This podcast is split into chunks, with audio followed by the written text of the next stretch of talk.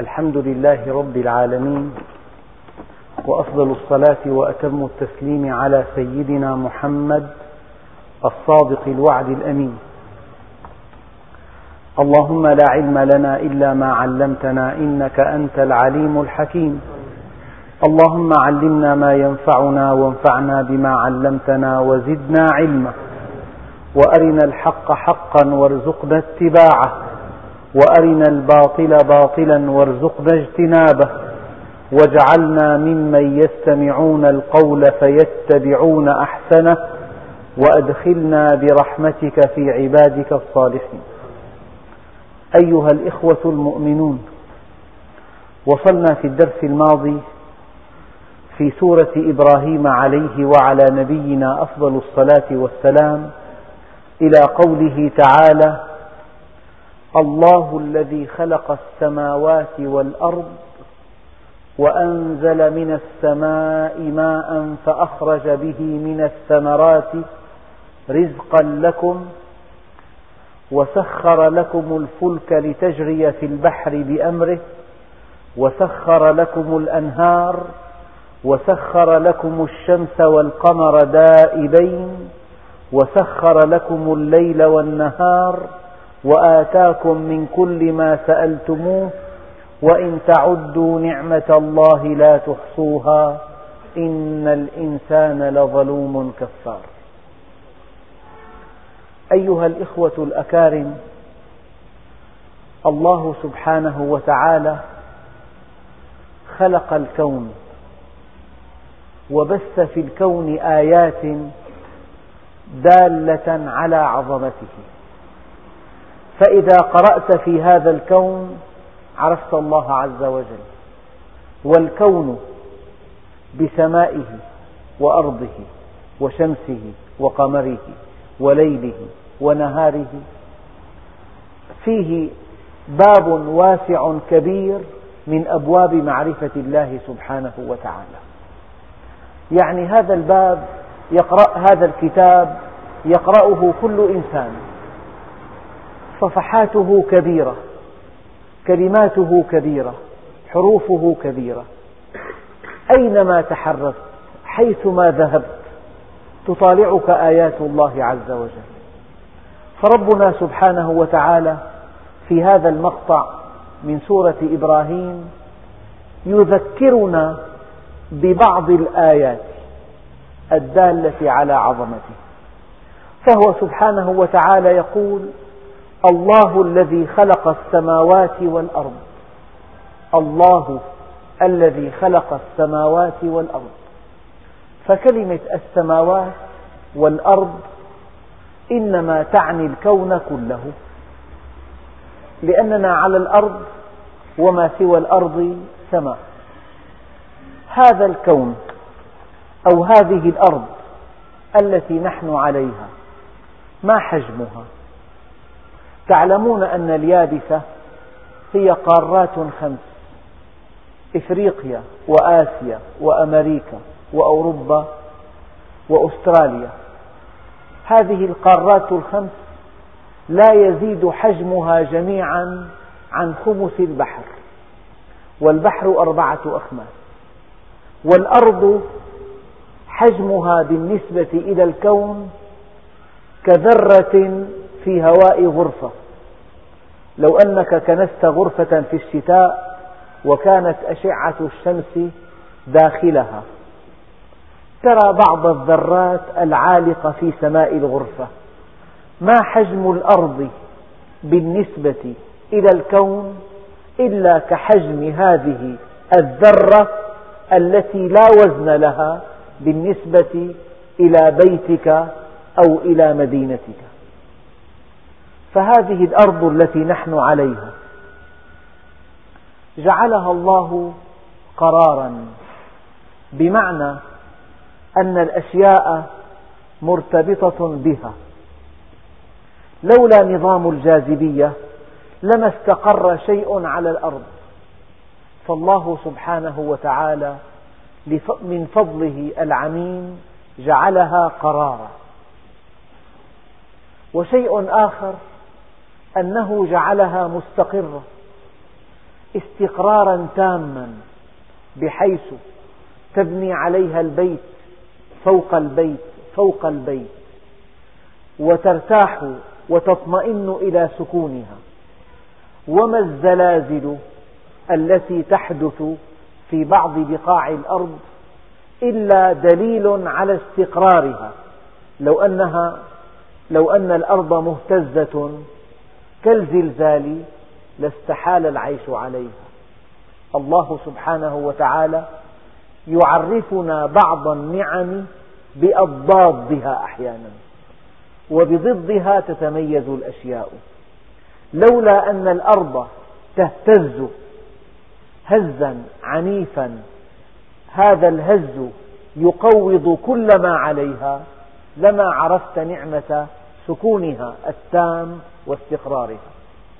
والله سبحانه وتعالى جعلها قرارا بمعنى ثالث وهو أن جميع الحاجات التي أنت محتاج لها بثها الله فيها. محتاج إلى الهواء وإلى الماء وإلى ماء عذب وإلى معادن وإلى طعام وإلى شراب وإلى حيوانات وإلى مواد وإلى سهول وإلى جبال. الله سبحانه وتعالى جعلها قرارا تستقر عليها لتوافر كل الحاجات فيها وجعلها قرارا بمعنى أنها مستقرة وجعلها قرارا بمعنى أن كل شيء عليها منجذب إليها. شيء آخر أما شكل الأرض فهو شكل كروي وهو الشكل الوحيد الذي تمتد عليه الخطوط من دون أن تقف أي ليس للأرض حروف المكعب له حرف والهرم له حرف والمتوازي المستطيلات له حرف بل له حروف لكن الأرض بشكل دائري قال تعالى وهو الذي مد الأرض. أي جعلها ممتدة جعلها متصلة. أينما سرت تعود إلى نقطة البدء. وشيء آخر ربنا سبحانه وتعالى جعل الأرض متحركة حركات عدة. ربنا عز وجل يقول وترى الأرض تحسبها هامدة. وترى الجبال تحسبها هامدة وهي تمر مر السحاب. تدور حول نفسها وتدور حول الشمس ويدور محورها المائل حول نفسه في كل خمسة وعشرين ألف عام ويدور مستوي دورانها حول نفسه. وقد أحصى العلماء لها دورات عديدة لا نعرف إلا بعضها. فربنا سبحانه وتعالى خلق الأرض التي نعيش عليها.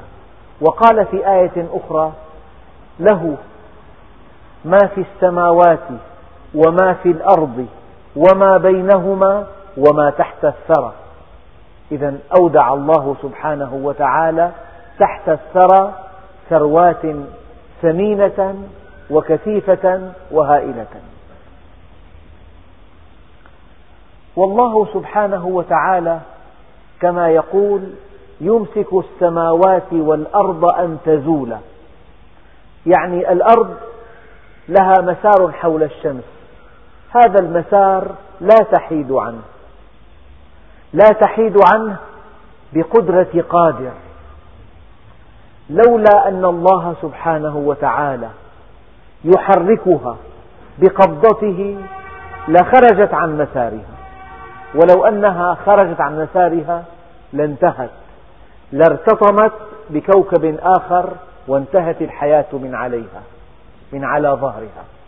إن الله يمسك السماوات والأرض أن تزولا. حتى أن مسار الأرض حول الشمس يأخذ شكلا إهليلجيا. هناك بعد أصغر وبعد أكبر. وفي البعد الأصغر يزيد جذب الشمس للأرض. ولولا أن الله سبحانه وتعالى يزيد من سرعتها كي ينشأ من هذه السرعة قوة نابذة تكافئ القوة الجاذبة لانجذبت الأرض إلى الشمس ولانتهت الحياة من على ظهرها. ولو أن الأرض انجذبت إلى الشمس كما يقول بعض العلماء ودخلت فيها لتبخرت في ثانية واحدة. من الذي يمسك السماوات والأرض أن تزولا معنى تزول أن تخرج عن مسارها ومنه زوال الشمس عن كبد السماء. ربنا سبحانه وتعالى يقول إن الله هل عرفته؟ يمسك السماوات والأرض أن تزولا شيء آخر نحن على سطح الأرض نستنشق الهواء ونستعمل الماء ونشربه ونبني على الأرض الصلبة.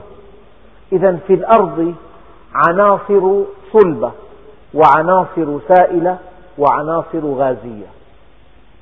من الذي جعل العناصر التي خلقها الله في الأرض متفاوتة في درجة انصهارها لو أن العناصر كلها متساوية في درجة انصهارها لكانت الأرض كلها إما جسما صلبا وإما سائلا وإما غازا. الأرض منوعة فيها أجسام صلبة. فيها صخر فيها حديد فيها أجسام سائلة فيها عناصر غازية. هذا أيضا من فضل الله عز وجل. ألم تر أن الله أنزل من السماء ماء فتصبح الأرض مخضرة؟ أما رأيت هذه الآية أيها الإنسان؟ والله سبحانه وتعالى يقول تسبح له السماوات السبع والأرض أي أن الأرض نفس تسبح لله عز وجل. تسبح له السماوات السبع والأرض. أما يستحي الإنسان أن يكون الجماد أعقل منه؟ أما يستحي الإنسان أن يكون, أن يكون الجماد أقرب إلى الله منه؟ شيء آخر مما يؤكد أن الأرض نفس. قال تعالى فما بكت عليهم السماوات والأرض. الأرض تتبارك بالمؤمن. فإذا مات غير المؤمن ما بكت عليه السماوات ولا الأرض. أما السماوات فما سوى الأرض؟ قلت لكم قبل قليل إن السماوات والأرض وهذه العبارة وردت في كتاب الله مئات المرات وكأن الله سبحانه وتعالى يعني بالسماوات والأرض الكون. والكون ما سوى الله كان الله ولم يكن معه شيء. فالكون محدث من قبل الله عز وجل. شيء آخر قال تعالى فلا أقسم بمواقع النجوم. العلماء فهموا هذه الآية على ثلاث مستويات. مواقع النجوم هذه الفراغات هذا الفضاء الخارجي الذي لا يعلم إلا الله إلى أين يمتد. أحدث معلومات عرفها الإنسان عن مجرة بعدها عن الأرض ثمانية عشر ألف مليون سنة ضوئية. ثمانية عشر ألف مليون سنة ضوئية. مع أن القمر يبعد عنا ثانية ضوئية واحدة. والشمس تبعد عنا ثمانية دقائق. والمجموعة الشمسية كلها قطرها ثلاث عشرة ساعة. ودرب التبان أي المجرة التي نحن فيها كلها طولها مئة وخمسون ألف سنة ضوئية. أما هذه المجرة التي عثر عليها العلماء علماء الفلك فهي تبعد عنا ثمانية عشر ألف مليون سنة ضوئية. ومعنى أنها تبعد عنا ثمانية عشر ألف مليون سنة ضوئية أي أن الآن قد وصل ضوءها إلينا. وكانت قبل ثمانية عشر ألف مليون سنة ضوئية في هذا المكان الذي رأيناه منه. رأيناها منه. ربنا عز وجل قال فلا أقسم بمواقع النجوم. هذا الفراغ هذا الفضاء الخارجي لا يعلم إلا الله أين ينتهي؟ لا يعلم إلا الله كم يمتد. كلما تقدم العلم عرف العلماء بعض المجرات الجديدة.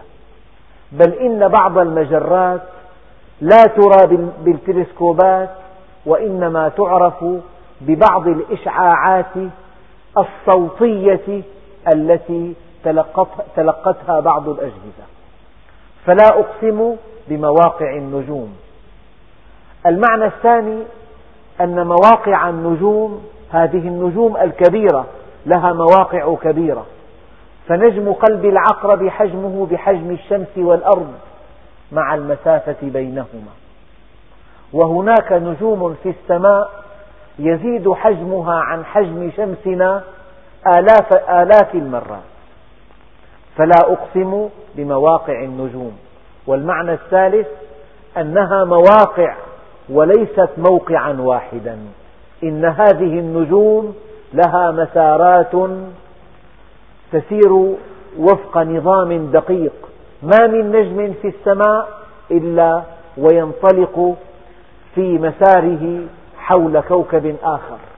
وهذه آية كبرى لأن الله سبحانه وتعالى جعل هذا الكون متجاذبا فيما بينه وفق قانون دقيق تحكمه المسافة والكتلة أو مربع جداء الكتلتين. هذا القانون قانون التجاذب لولا حركة النجوم لتجمع الكون كله في كتلة واحدة وانتهت الحياة. بالدوران تنشأ القوى النابذة التي تكافئ القوى الجاذبة. يبقى الكون على ما هو عليه بفضل الدوران الدائب. والله سبحانه وتعالى حينما وصف السماء قال والسماء ذات الرجع. يعني أي كوكب في السماء ينطلق في مسار ويعود إلى ويرجع إلى نقطة البدء. إذا جميع المسارات دائرية أو بيضوية والسماء ذات الرجع. لولا هذه الحركة الدائبة من النجوم لأصبحت النجوم كلها في كتلة واحدة. شيء آخر حجم الكون لا يعلمه أحد. فإذا سأل سائل من خلق الله عز وجل؟ نقول له أأحط أنت بالكون أولا؟ أعرفت نهاية الكون؟ أوصلت إلى حدود الفضاء الخارجي؟ أعرفت عدد المجرات التي خلقها الله عز وجل على سبيل الحصر؟ أوصلت إلى نهاية الكون حتى تطرح هذا السؤال؟ الكون فيما يبدو لنا لا نهاية له. هو له نهاية لأنه مخلوق. ولكن فيما يبدو لنا لا نهاية له. فلذلك قال بعض العلماء أن في الفضاء الخارجي ثقوبا سوداء فيها ضغط مرتفع جدا. لو دخلته الأرض لأصبحت كالبيضة بالوزن نفسه. وزن الأرض الذي لا يعقل. لو دخلت الأرض في بعض هذه الثقوب السوداء لأصبح حجمها كحجم البيضة في الوزن نفسه. الله سبحانه وتعالى يعني لا يحيط بهذه الآيات إلا الله. ولو أمضينا الساعات الطوال والأيام والشهور والسنوات والحقب لا نستطيع أن نصل إلى تعداد آيات الله التي بثها الله في الأرض. إنما هي إعطاء القليل خير من ترك الكثير. الله سبحانه وتعالى يقول الله الذي خلق السماوات والأرض. يعني هل عرفته؟ هل عرفت أن السماوات والأرض من خلق الله عز وجل؟ هذا الذي يدعوك لعبادته يدعوك لطاعته يدعوك لجنة عرضها السماوات والأرض هو الذي خلق السماوات والأرض. أما قوله تعالى الله الذي خلق السماوات والأرض له معنى دقيق. لو أن الله سبحانه وتعالى قال خلق الله السماوات والأرض وبين قوله تعالى الله الذي خلق السماوات والأرض مسافة شاسعة. إن تقديم لفظ الجلالة في هذه الآية يعني أن الذي خلق السماوات والأرض هو الله وحده. تقديم على سبيل القصر والحصر. الله الذي خلق السماوات والأرض. وخلق السماوات والأرض هو نعمة ذكرها العلماء ألا وهي نعمة الإيجاد. وفي آية أخرى الحمد لله الذي خلق السماوات والأرض. نحن موجودون لهذه النعمة التي أوجدها الله عز وجل. شيء آخر الله الذي خلق السماوات والأرض خلقا أوليا وسوف يعيد الخلق مرة ثانية لقوله تعالى الله الذي الله يبدأ الخلق ثم يعيده. خلق السماوات والأرض فحقق أسماءه الحسنى. جسد أسماءه الحسنى في خلق السماوات والأرض. وفي إعادة الخلق سيتحقق العدل المطلق. فالفقير والغني والقوي والضعيف والصحيح والمريض كل هؤلاء سينالون جزاء أعمالهم بالتمام والكمال. الله الذي خلق السماوات والأرض وأنزل من السماء ماء. أما إنزال الماء من السماء فهذه نعمة أخرى يتفضل الله بها علينا وهي نعمة الإمداد. أوجدنا وأمدنا. أمدنا بنعمة الطعام والشراب. ونعمة الطعام والشراب أساسها أنه أنزل من السماء ماء فأخرج به من الثمرات رزقا لكم. أنزل من السماء ماء. الله سبحانه وتعالى الذي خلق السماوات والأرض هو نفسه أنزل من السماء ماء. الذي خلق أمد. الذي خلق رزق. أنزل من السماء ماء. وإنزال الأمطار من السماء موضوع دقيق جدا. تدخل فيه, فيه أشعة الشمس. يدخل فيه البحر. من تبخر ماء البحر. وتشبع الهواء ببخار الماء وتجميع السحاب وتحريك السحاب وتفاوت السحاب وعصر السحاب وأنزلنا من المعصرات ماء ثجاجا عن طريق اختلاف درجات الحرارة وعن طريق اختلاف الشحنات الكهربائية بين السحب. هناك موضوع معقد جدا هو إنزال المطر من السماء. لكن في الآيات شيئا يلفت النظر هو أن الله سبحانه وتعالى ثبت أشياء في خلق السماوات والأرض وحرك أشياء. فدورة الأرض حول نفسها ثابتة منذ أن خلقت ودورتها حول الشمس ثابتة منذ أن خلقت. وحركة الشمس ثابتة. وأشياء وأشياء تثبت لا تتغير ولا تتبدل. هذا الثبات من أجل انتظام الحياة. ولكن في الأرض أشياء أخرى حركها الله سبحانه وتعالى. إنها إن منها إنزال المطر. عملية إنزال المطر عملية بالغة التعقيد. ولكنك أيها الإنسان لا تعرف متى تنزل المطر.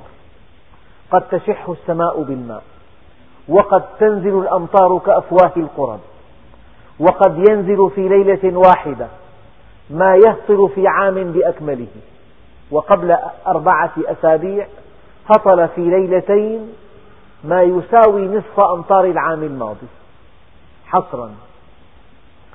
إذا الأشياء التي ثبتها الله عز وجل من أجل انتظام الحياة في الأرض والأشياء التي حركها من أجل أن يبقى الإنسان معلقا بالله عز وجل. لو أن الله سبحانه وتعالى ثبت هطول الأمطار على الأرض لاستغنى الإنسان عن ربه وشقي باستغنائه. ولكن الله سبحانه وتعالى رحمة بالعباد جعل الأمطار ليس لها نظام ثابت. في عام, في عام تكون هذه الأمطار غزيرة وفي عام آخر تشح السماء من أجل أن يتضرع الخلق إلى الله عز وجل. الماء هذا الماء الذي أنزله الله من السماء ماء طاهر. لا لون له لا طعم له لا رائحة له. هذا الماء يتبخر بدرجات متدنية. في الدرجة أربعة عشر يتبخر الماء. ولولا هذه الدرجة إذا نظفت أرض البيت بالماء يبقى هذا الماء طوال الشتاء.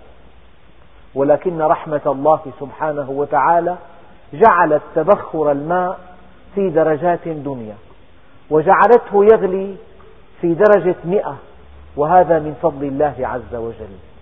كي نستعين به على إنضاج طعامنا.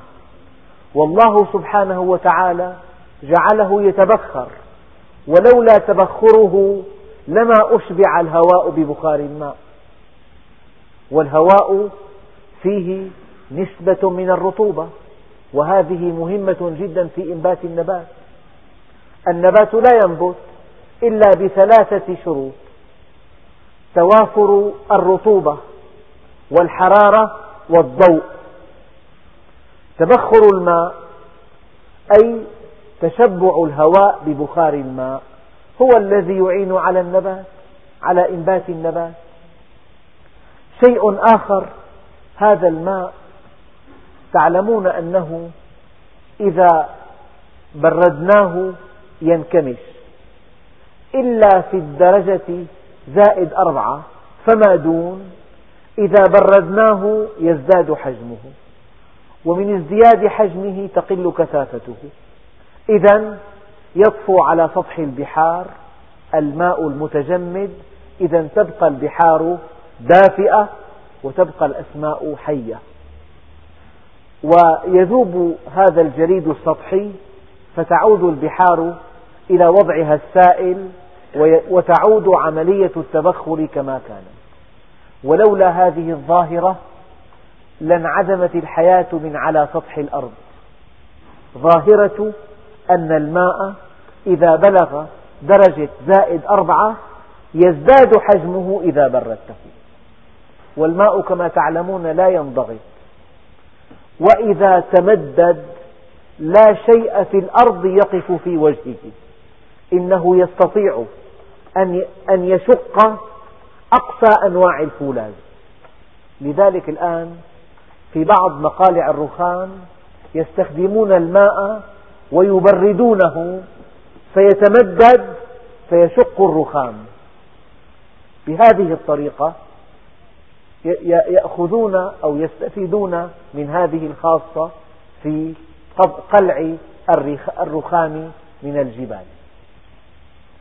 شيء آخر هذا الماء الذي لا طعم له ولا رائحة له ولا لون له هذا الماء الذي لا ينضغط والذي إذا تمدد لا يقف عند حد هذا الماء له صفة النفوذ. ولولا هذه الصفة لما عاش النبات. إن الماء يمر من أدق المسامات ومن أدق الأوعية. وأنزل من السماء ماء فأخرج به. هي الباء كما يقول العلماء للسببية. أخرج به. لذلك الله سبحانه وتعالى جعل لكل شيء سببا. فالنبات لا ينبت إلا بالماء. أخرج به. إنه دلك على الأسباب. ثم أمرك أن تتوكل على رب الأرباب. دلك على الأسباب. فأخرجنا به. لذلك هذا الفكر البشري لا يفهم الأشياء بلا سبب ولا يفهمها بلا غاية ولا يقبل أن تكون متناقضة. وهذه المبادئ الثلاث مبادئ العقل البشري مبدأ السببية مبدأ الغائية مبدأ عدم التناقض. إنك لن تستطيع أن تسكت عن مصباح متألق في بيتك وقد عدت إلى البيت بعد أن خرجت منه وأطفأت بنفسك كل المصابيح. فإذا عدت إلى البيت ورأيت مصباحا متألقا فمعنى هذا أن إنسانا دخل إلى البيت وأشعل هذا المصباح. لا يستطيع عقلك أن يفهم تألق المصباح إلا بسبب كما أنك إذا اشتريت آلة لا تستطيع أن تفهم بعض أجزائها إلا بالغاية التي صنع من أجلها. هكذا طبيعة الإنسان. الله سبحانه وتعالى يقول وأنزل من السماء ماء فأخرج به باء السببية من الثمرات. أنواع الثمار. هذه الثمرات التي خلقها الله سبحانه وتعالى. أولا كما يقول علماء الاقتصاد اقتصادية بمعنى أن الشجرة التفاح أن هذه الشجرة لو أنتجت أربع تفاحات في العام هذا الإنتاج لا يكفي. لا أحد يزرع الأشجار. لا بد من أن يكون عدد الثمار عددا اقتصاديا يغطي كل نفقات المزرعة. فمن منا فكر في هذه الناحية؟ أن أشجار التفاح أشجار الكرز أشجار الدراق العنب حجم الإنتاج حجم اقتصادي بمعنى أن الفلاح يدأب ويتعب ويجني بعد هذا. أرباحا معقولة تجعله متفرغا لهذا العمل. لو أن الدجاجة باضت في العام بيضة لكان ثمن البيضة خمسمائة ليرة أو مئة ليرة. لا أحد يشتري هذا هذا البيض بهذا السعر. إذا كون الدجاجة تبيض كل يوم بيضة هذا اسمه في علم الاقتصاد إنتاج اقتصادي. بعد قليل سيمر معنا أن البحر في كل كيلو متر مكعب من البحر أربعة كيلو ذهب. أبدا. يعني إذا كان الذهب حقه 300 ألف الكيلو معناها بكل كيلو متر مكعب من البحر في عنا مليون ليرة أو أكثر.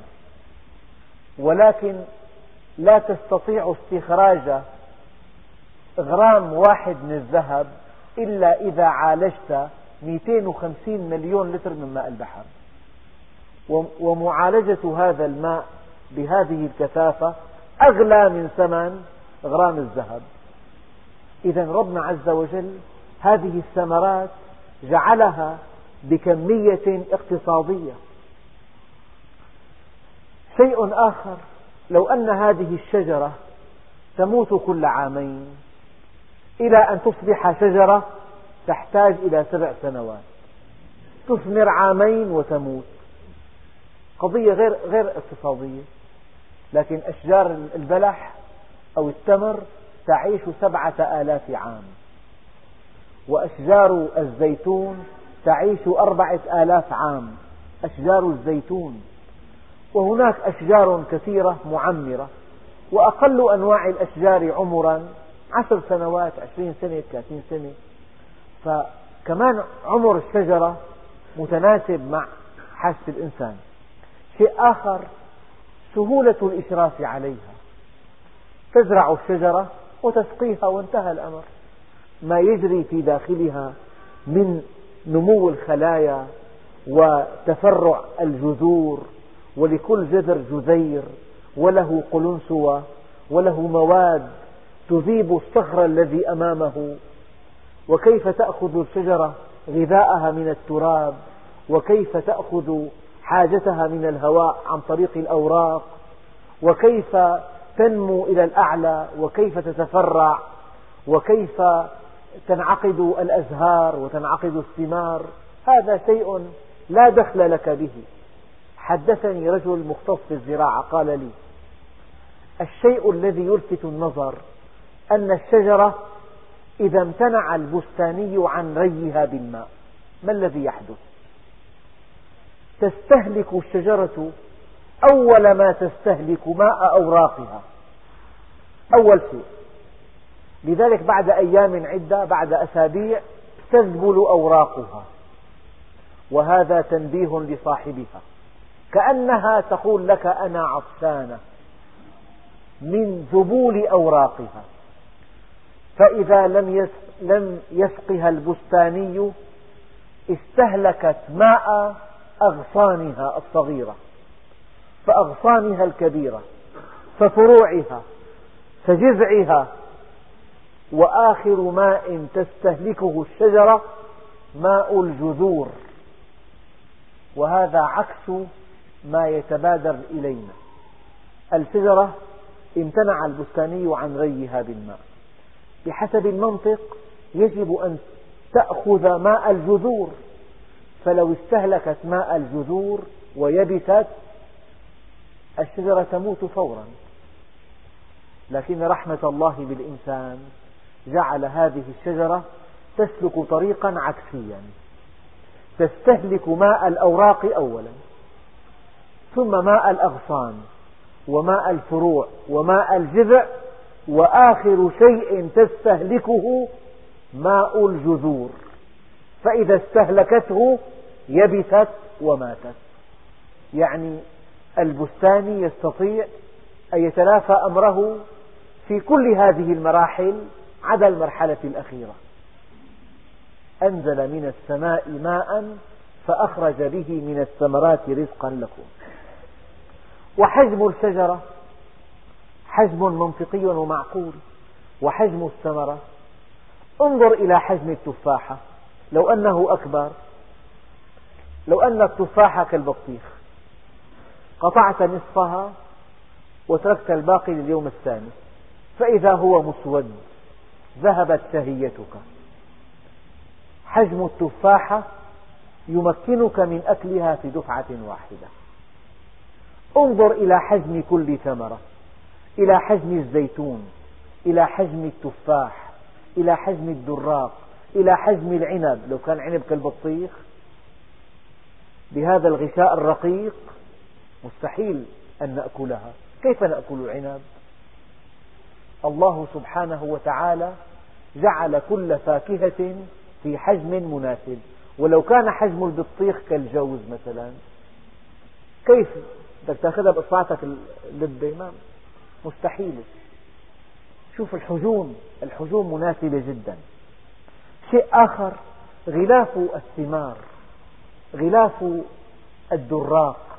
غلاف الإجاص غلاف التفاح غلاف البطيخ غلاف قاسم يضعون في السيارة ما يزيد عن خمسة طن بطيخ. هذا الذي في الأسفل يبقى سليما بفضل قساوة هذه القشرة.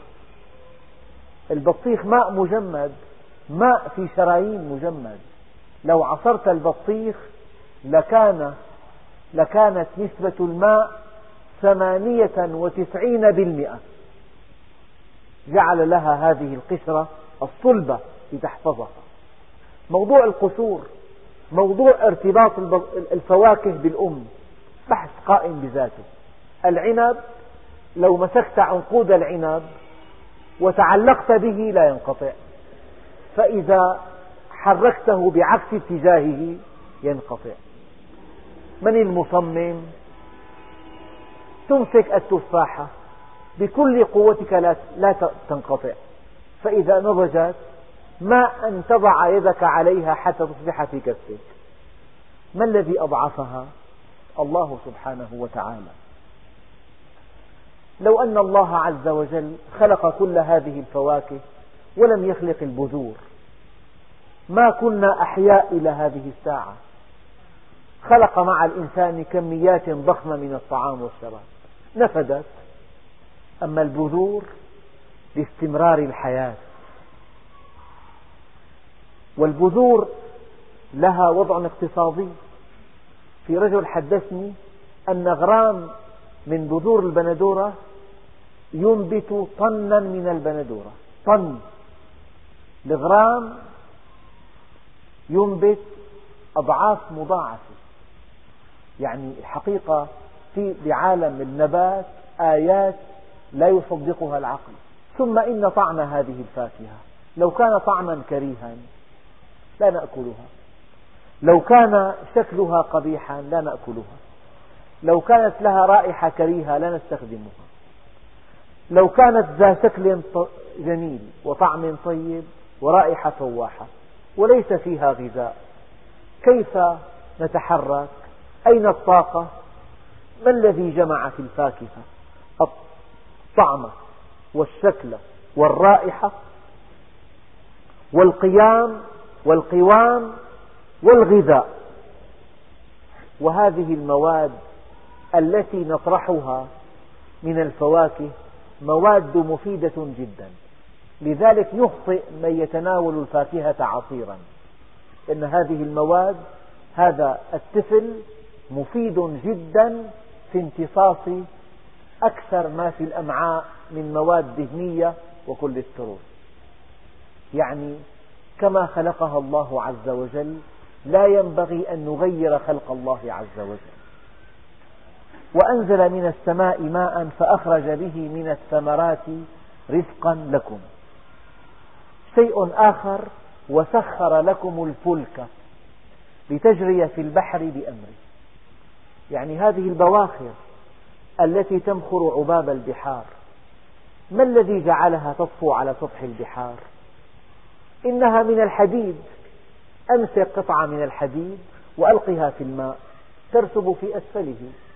ما الذي جعل الباخرة تطفو؟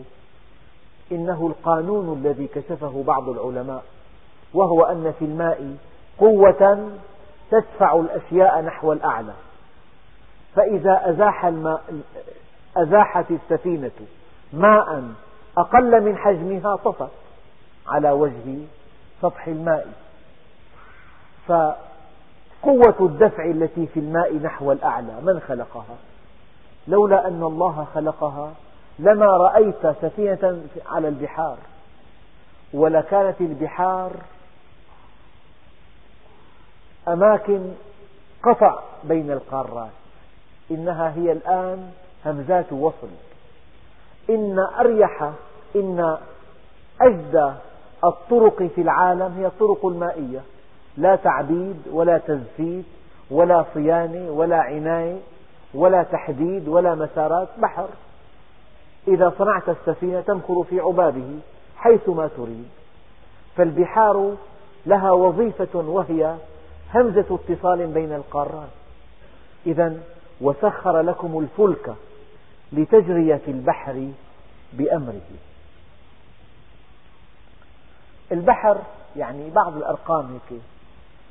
في الكيلو متر مكعب من البحر في 35 مليون طن من الملح.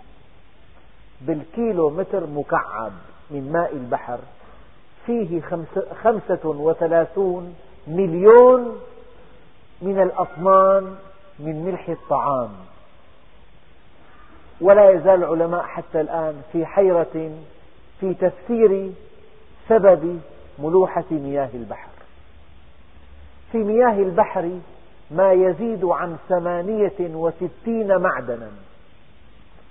من هذه المعادن الكبريت والكالسيوم والبوتاسيوم والفوسفور واليود والحديد والألمنيوم والرصاص والقصدير والنحاس والذهب بمئات الأطنان في كل كيلو متر مكعب.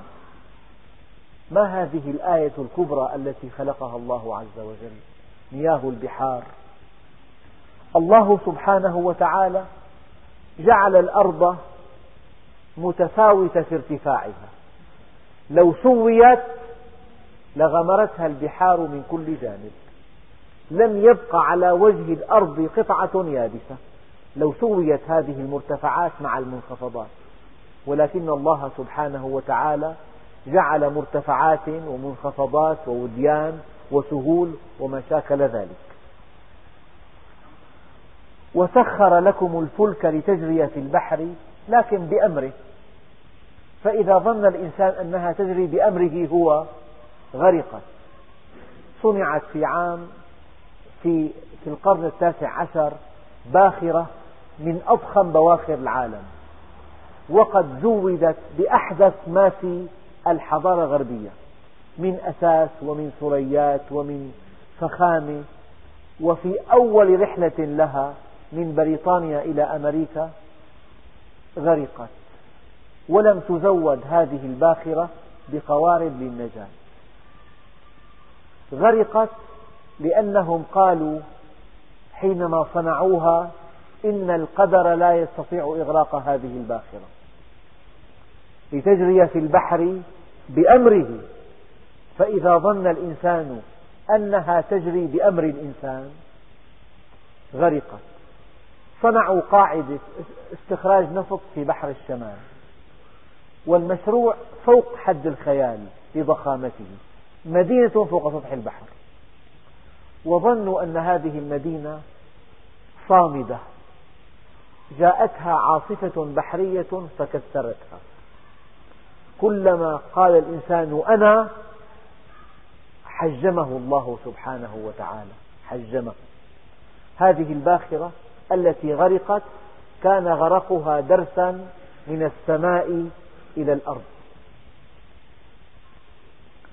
وسخر لكم الأنهار.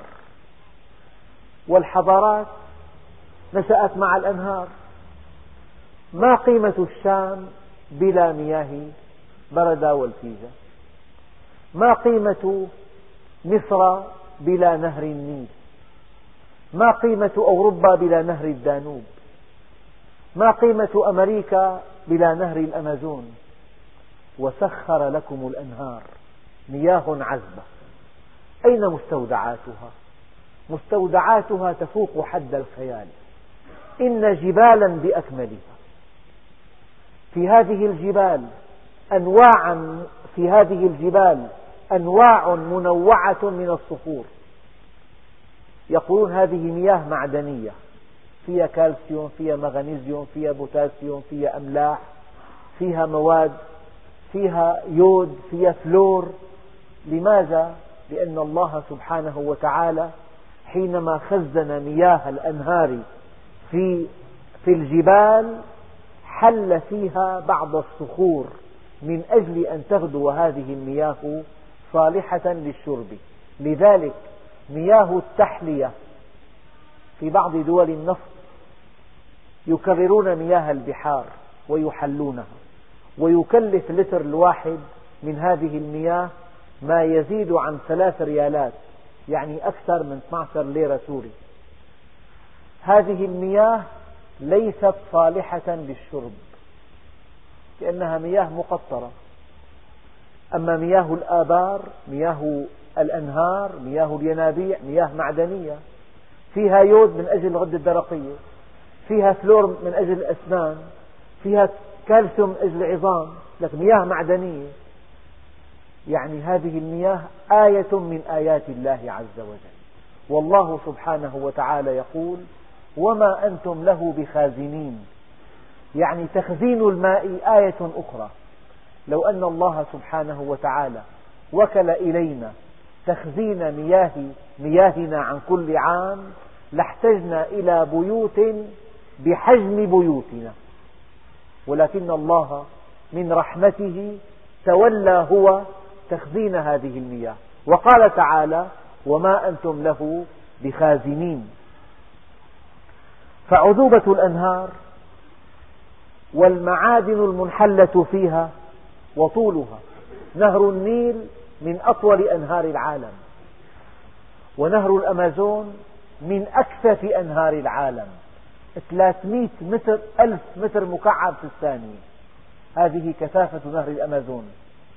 والله سبحانه وتعالى بث في كل مكان أنهارا كي يعيش الناس من حوله. والجزر التي خلقها الله.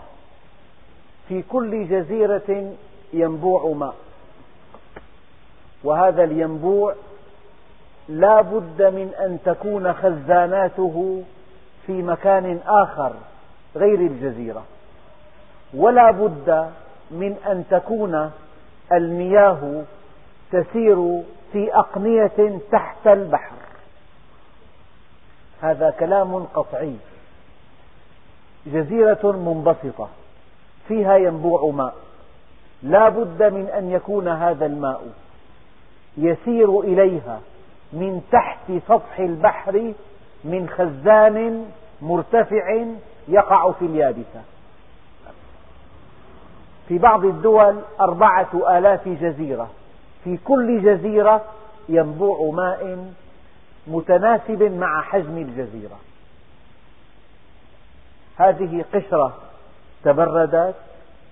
أم أن خلقا محكما؟ أم أن تسخيرا من قبل الله عز وجل كان؟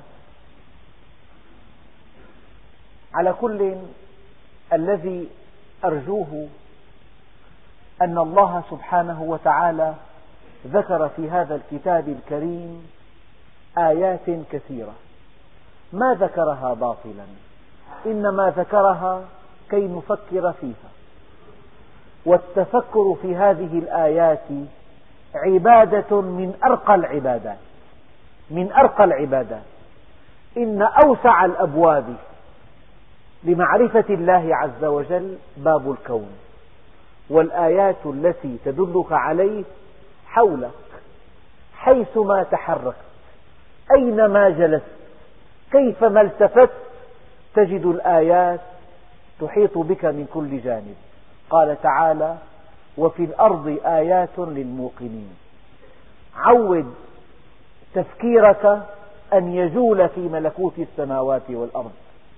عود نفسك أن تعرف الله من خلال آياته. لأنك إذا عرفته عظمته. وإذا عظمته استقمت على أمره.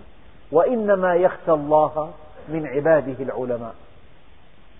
إن في خلق السماوات والأرض واختلاف الليل والنهار لآيات لأولي الألباب الذين يذكرون الله قياما وقعودا وعلى جنوبهم ويتفكرون في خلق السماوات والأرض ربنا ما خلقت هذا باطلا سبحانك فقنا عذاب النار لا عبادة كالتفكر تفكر ساعة خير من عبادة ستين عاما.